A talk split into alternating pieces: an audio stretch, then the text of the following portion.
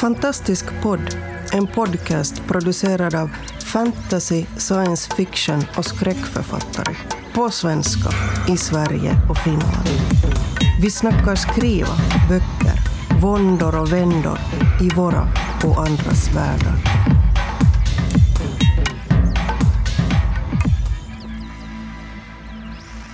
Välkommen till Fantastisk podd. Och idag är det Grupp Finland som har ordet och eh, vi har en speciell gäst med oss idag. Yay! Men vi börjar med att presentera oss själva. Och då börjar jag, jag heter Hanna eller Mikaela Taivasalo, men ni kan kalla mig Mikaela. Nej Maria, vad gör du?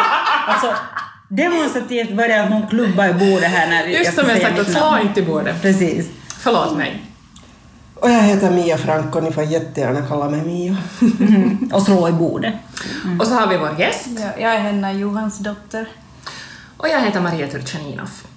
Och idag har vi alltså Henna med oss som är debutant och någonting så ovanligt som en debutant inom science fiction-genren på svenska i Finland. Det är nog väldigt, väldigt, väldigt länge sedan vi har haft någon sån. Har vi haft någon sån? Jag menar i Finland.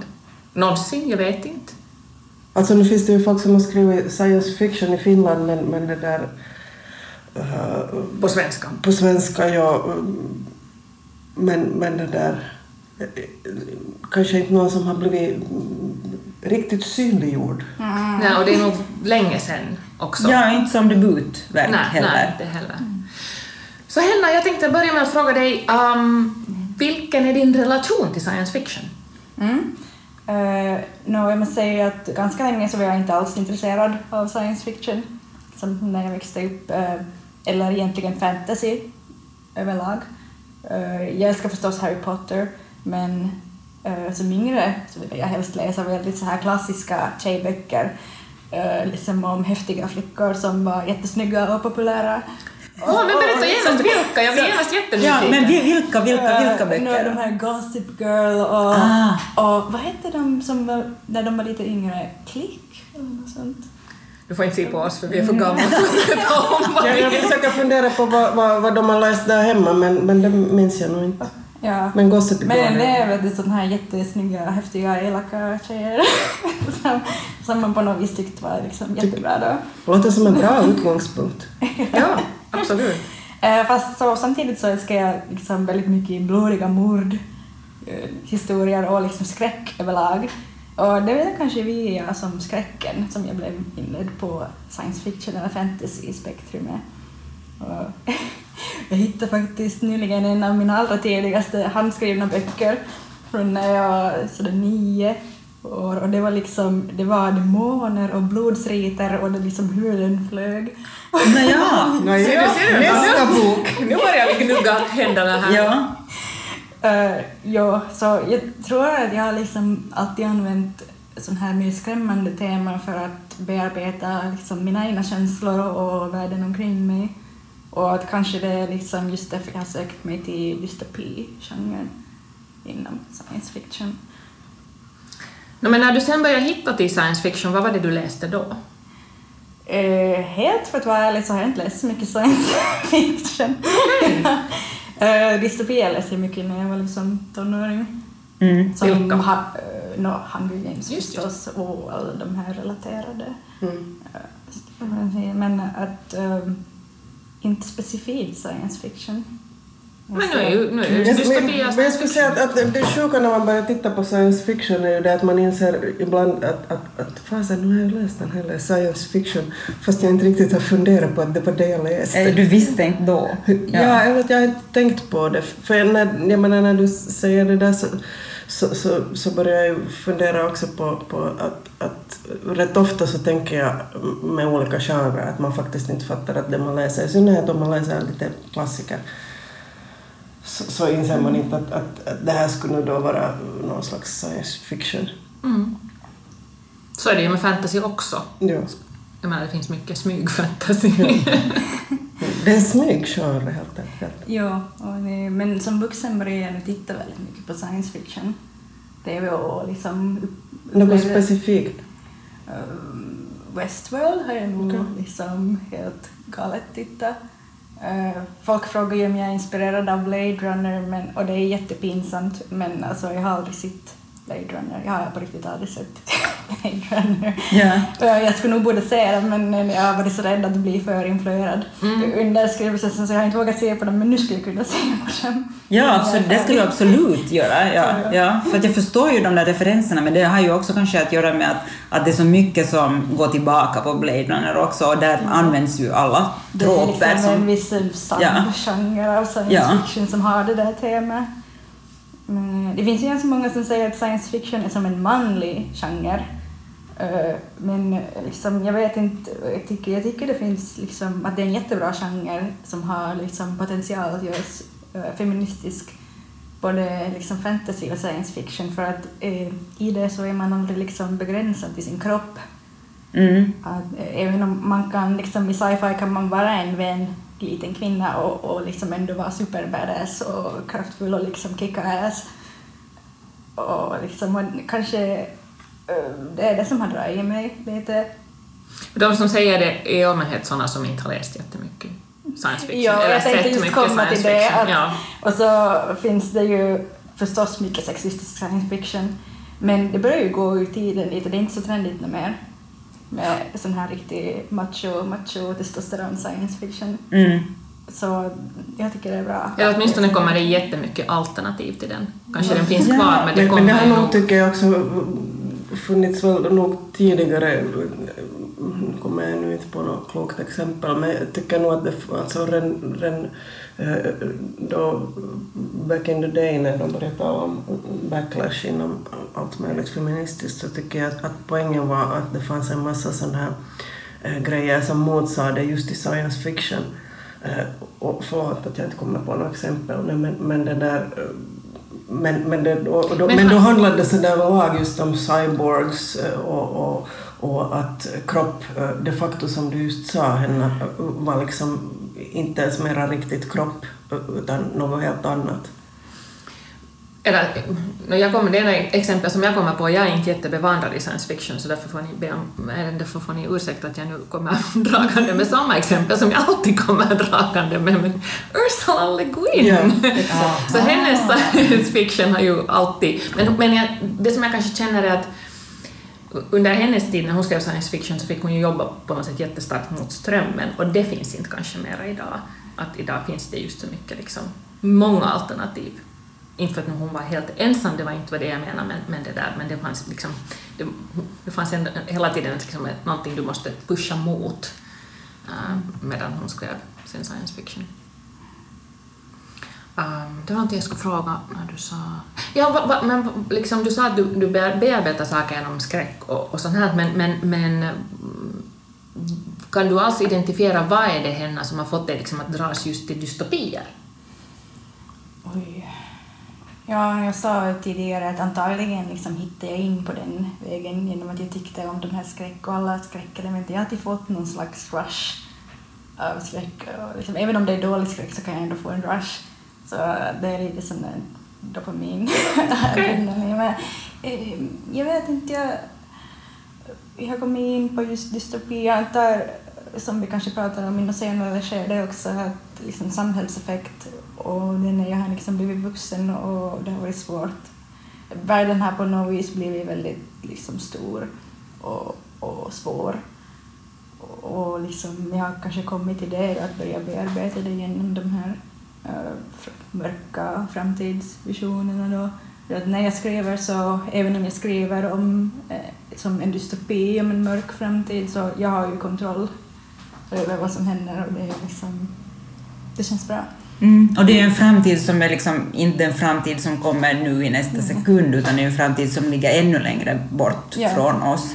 Men samtidigt så är det ju kanske också just den här världen vi lever Att i. En bra dystopi ska ju vara den kan vara liksom hur långt som helst i framtiden och hur liksom utflygande som Mm. helst, men att den borde säga liksom någonting om idag. Mm. Nå, men berätta nu lite om äh, din debutroman här. Det vill vi ju... Jag har inte ens sagt vad den heter, Glasvaggan. Uh, ja, jag, jag debuterade för någon månad sedan uh, då med Glasögon och en fantasy-influerad science fiction dystopi, eller det säger folk i alla fall. Att det, och liksom som går på det här temat med eh, konstgjorda människor och, och var går liksom gränsen. Att, um, och handlar då liksom om ett totalitärt samhälle där man skiljer på vad man kallar riktiga människor och uh, konstgjorda människor som odlas i laboratorier. Och, liksom, och sen har den vissa fantasy-element med liksom superpowers och sånt. Och även ganska så här klassiska science fiction-element som liksom gudsmaskiner och, och liksom allmedvetanden. Och uh, ja, mycket klassiska science fiction, men som jag försöker liksom köra mitt eget race där och, och göra min egen väg, eller, även om den har många tropes. Så. Vem handlar den om? Uh, Talia heter huvudpersonen och hon är 16 år, vilket betyder att den blir marknadsförd som ungdom. Så den blir det? Jag har faktiskt haft koll på det. Ja, just det. Ja, men det är ju intressant också. Ja. Ja. Men har det alltså varit åldern på huvudpersonen som har bestämt det? No, jag antar det. Ingen har sådär specifikt sagt vad du skriver. Men, men hur har du själv tänkt? Eh, Jag själv har inte alls tänkt på någon speciell målgrupp. Jag har bara skrivit det jag ville skriva. Eh, Men sen så, alltså de flesta av mina liksom, testläsare medan jag skrev, så de har varit vuxna. Som var även de mest liksom, passionerade. Läsarna har varit vuxna, så jag har försökt betona att liksom, jag tror inte den har ett ålderstak. Mm. Liksom, eh, men eh, ja, de, vill ju marknadsföra den liksom i en viss nisch, så den, den är tydligen en ungdomsroman. Också en ungdomsroman skulle Ja. jag Ja. påstå. Ja. Där, där, där är det ju liksom så att, att fantasy i alla olika spektran som finns så, så begränsar ju sig sällan till ungdomsroman fast det är möjligt att det också är en ungdomsroman men det är samtidigt också en roman som öppnar sig uppåt mot, mot en vuxnare publik. Ja. Åtminstone tycker jag att det är ofta det som är skönt med, liksom, med, med genre. Med de som läser genrelitteratur, för de brukar liksom veta det här, Mm. när det både gäller science fiction och fantasy, att de brukar inte låta sig avskräckas av ungdomsstämpeln. Jo, just det, de mina vuxna, vuxen-vuxna vänner som, som eh, har lite erfarenhet av så här young adult science fiction och fantasy, så de vet ju liksom att det är för eh, kanske 10-13 år uppåt till 100. Och och att det liksom är en väldigt bred genre. Mm. Mm.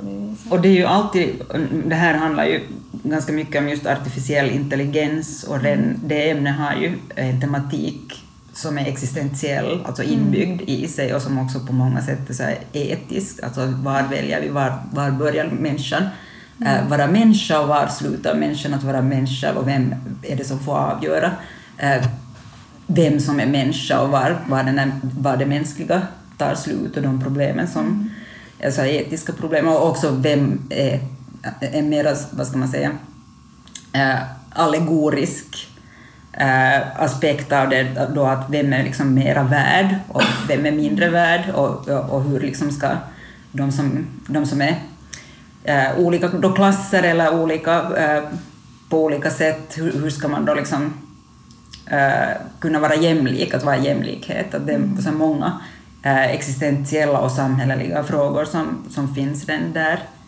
i Ja, det. exakt. Ja. Och just det har de liksom sagt att eh, den är ju ungdomsroman därför att de funderar på ungdomsgrejer som identitet och existens. Och jag tänker att nå, nu är det ju ganska liksom allmängällande men nåja.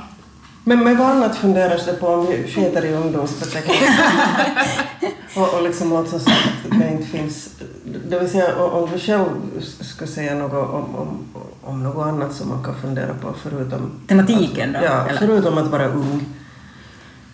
Eh, ja, jag tycker den handlar mycket om att hitta en plats i världen.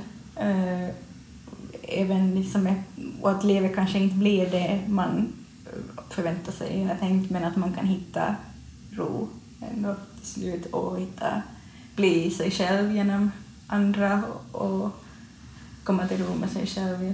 Jag hade ju en stor existentiell kris när jag började skriva Glasvagga men den försvann sådär eftersom så att... i Medan du skrev. inte på grund av skrivande, men bara för att jag blev äldre. Så att eh, sen, nej, men jag tror kanske det är på något vis, åtminstone sådär i början av romanen märks min rädsla på något vis. Att, eh, då någon har sagt att början känns som en depression. Mm, ja, jag tror det liksom kan ha gjort ett ganska stort avtryck. Men det är väl i och för sig bra om början känns som en depression så är man ju på väg mot något trevligare sen. Ja, på sätt och vis. på sätt och vis. Det låter också lovande, tycker på sätt och vis. Eller någonting ännu Någon värre. annan sorts depression i alla Ja. fall. Inte samma depression. Ja.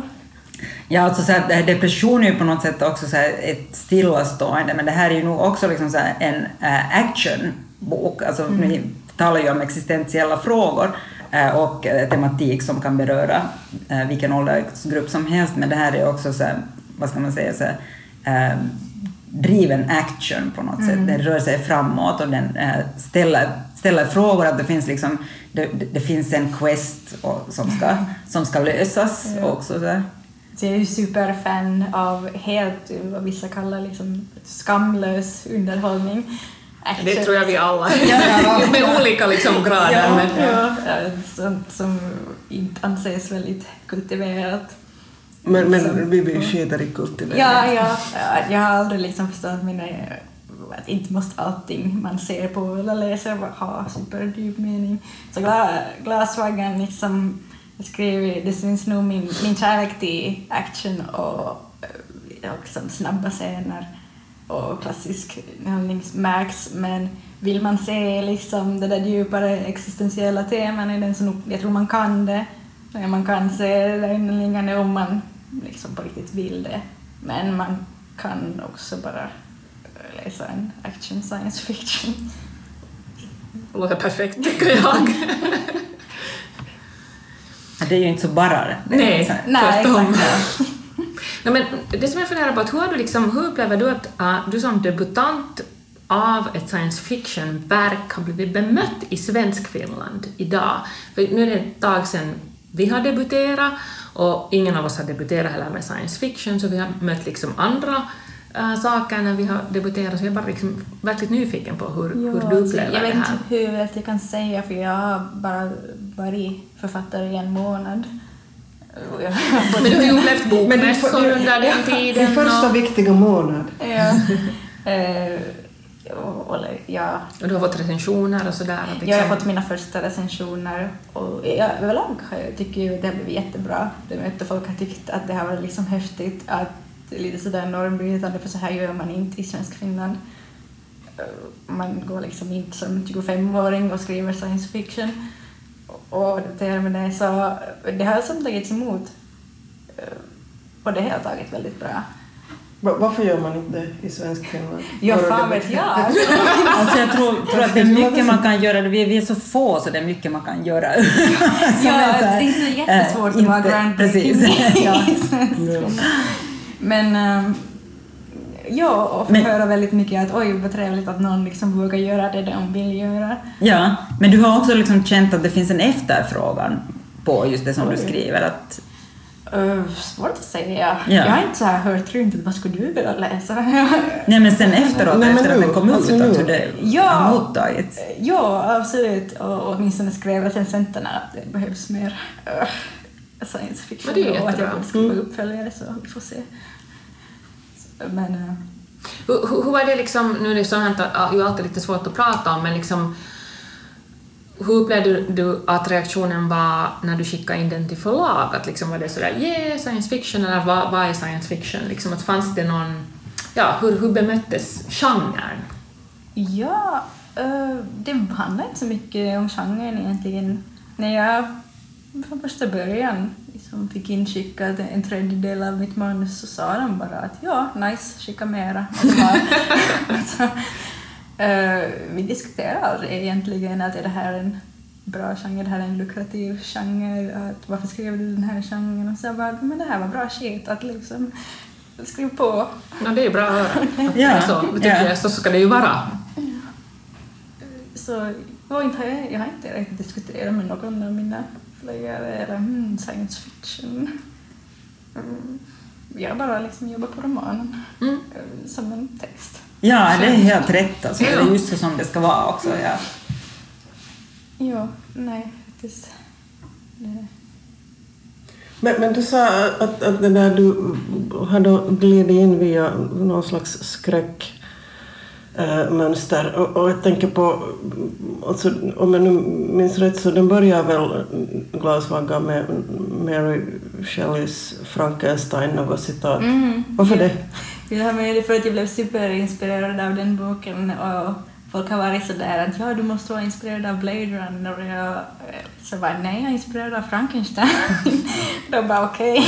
Nej, men jag tänker, hon är ju liksom på något vis eh, science fictions uh, grand, Ja. grand old Ja. mother. Ja, exakt. Att, att om, om, man, om man då konstaterar att det på många sätt kanske är en manlig i perioder genre så, så, så motsäger hon ju hela det. Ja, och det, det brukar ju liksom räknas som den första. Så det är Absolut, ja. svårt att Plus att den, in, den innehåller ju vad som helst. Det, alltså, den innehåller början till alla, all Alla AI romaner. AI-problematik som Ja, finns. men, och inte bara det, utan till alla romaner på något vis. Det finns alltid i den boken. Man kan, Mm. Eftersom jag då i tiderna har också undervisat om den så kan jag säga att man kan undervisa om vad som helst utgående från den. Jo, alltså den har nog varit bland mina största läsupplevelser som vuxen. Ja, det tror jag. Ja. Så, och, och blev genast, när jag hade läst ut den så visste jag att oj, det här, här vill jag ha med och en sån här slags eh, upplösning vill jag ha av de här känslorna. Så jag tycker det, fast jag är som sagt skamlös fan av underhållning så tycker jag det var synd att Hollywood ganska liksom simplifierar den där konceptljudet i en monsterfilm. Inte för att jag har någonting emot monsterfilmer, jag tycker om monster, men, men den där Men den boken är så har så mycket mycket annat, ja. att Precis. Ja, där finns en ambivalens också, just det där att vi är alla monster och att alla har eh, ett Och att det är i monster. synnerhet vi som är Ja, monster. precis. Ja. Fast nu för tiden så har ju det blivit trendigt så nu har ju kommit nya adaptioner av Mm. Men boken är bättre. Ja, såklart. Just saying. Stating for the record. Boken, boken, boken. Men vad säger du, liksom, har du några tankar kring framtiden? Bara- Förstås, science fiction, läs boken! Framtiden. Ha tankar kring framtiden. Ja, ja, missförstå mig avsiktligt. Nej, men jag menar, är det här någonting, vill du fortsätta utforska just den här genren? Vill du ge dig någon helt annanstans? Har du ens tänkt så långt? Jag menar, jag Så- vet att du precis just har debuterat, så det är egentligen hemskt att fråga det här. Nej, alltså både ja och nej. Eh, Jag kommer hålla mig på science fiction-spektrumet. Alltså jag skriver ju redan på mitt nästa manus och har skrivit kanske ett halvår på den. Ja. Eh, Den faller ju i science fiction, även om den är lite mer cyberpunk än vad Ja, Glasögon är. men det är ju bra. Men den har nog en helt, ett helt annat narrativ, en helt annan tematik. Mm, Den är väldigt annorlunda. Glasögon, så jag provar nog lite nya vatten här och kommer antagligen chocka eh, ganska många människor med den här. Bra. Så den, men eh, det känns väldigt bra. Så folk frågar, skriver du någonting liknande? Ja och absolut nej. Glasögon är, flera har sagt att glasögon är läskig, det tycker inte jag. Men jag har sagt att den är lite, oj vad obehagligt. Så jag bara okej, du kanske inte ska läsa den. glasögon är väldigt, väldigt snäll mot det jag skriver nu. Så. Det låter lovande. Suve. Du har lyssnat på Fantastisk podd. Om du trivdes i vårt fantastiska poddsällskap och vill ha mer så hittar du äldre poddar och information om oss som deltar på vår hemsida under fantastiskpodd.se och på vår Facebook-sida Fantastisk podd. Har du frågor eller förslag på vad du tycker att vi ska tala om, hör gärna av dig antingen på Facebook eller via kommentarer på hemsidan. Vi hörs!